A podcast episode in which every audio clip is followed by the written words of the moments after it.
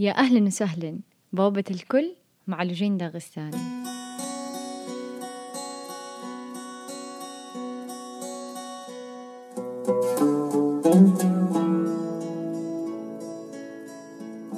في نهاية خامس طب بشري كان عندي اختبار نهائي مادة النساء والولادة اللي ما اختبرتها بسبب ولادتي.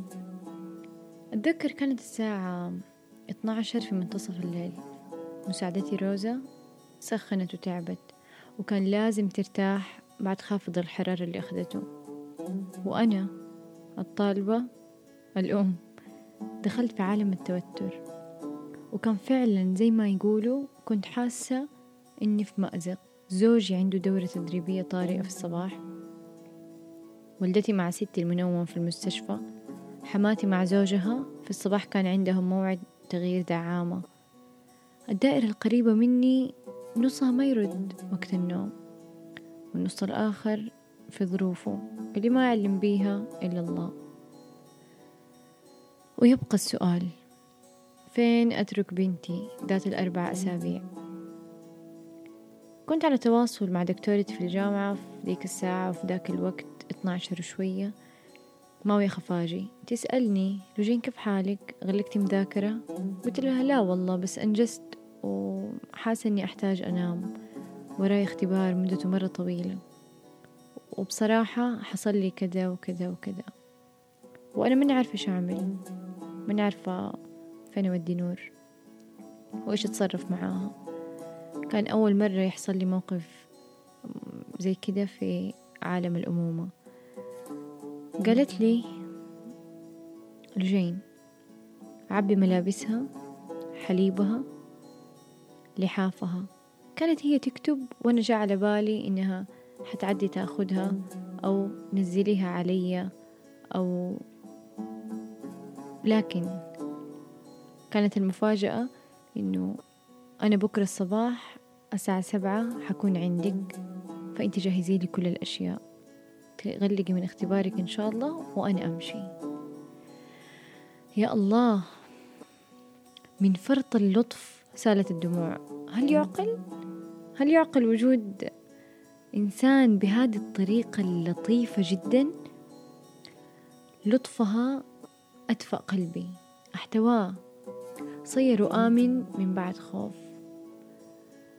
غلقت الاختبار وبعد الاختبار نزلت منشور على الإنستغرام شكرتها وأظهرت امتناني ليها وكان لابد أن يعرف العالم أن اللطف موجود على شاكلات لا يمكن لك أن تتوقعها.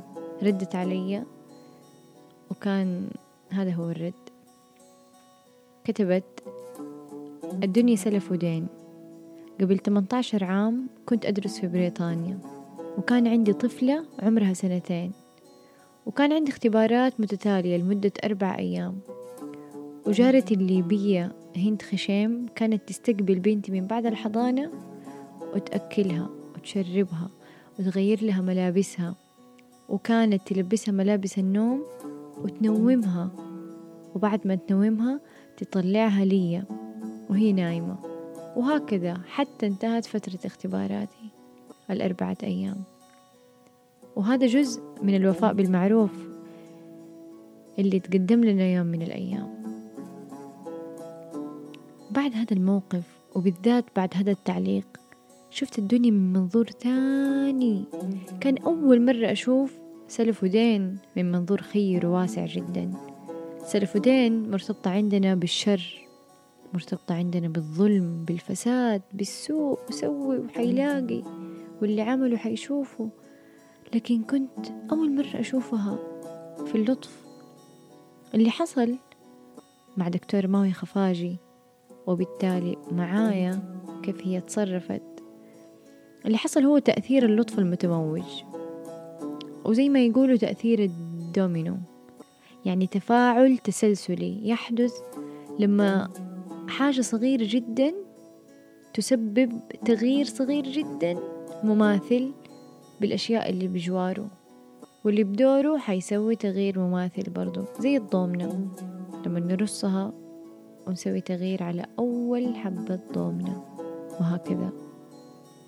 اللطف اللطف يخلق بداخلك نزعة خيرية في قلبك يجعلك يجعلك تبغى تسوي حاجة جيدة لشخص آخر. أو إنك أنت تكون زي هذا الشخص اللطيف. أو إنك أنت تكون إنسان أفضل. يلهمك في اللطف شيء ما يحدث يصيرك دافئا من الداخل. سكوت آدمز يقول لا يوجد ما يسمى بتصرف لطيف بسيط. إن كل تصرف لطيف يخلق موجة لا نهاية منطقية لها. وبالفعل تأثير اللطف لا يموت أبدا.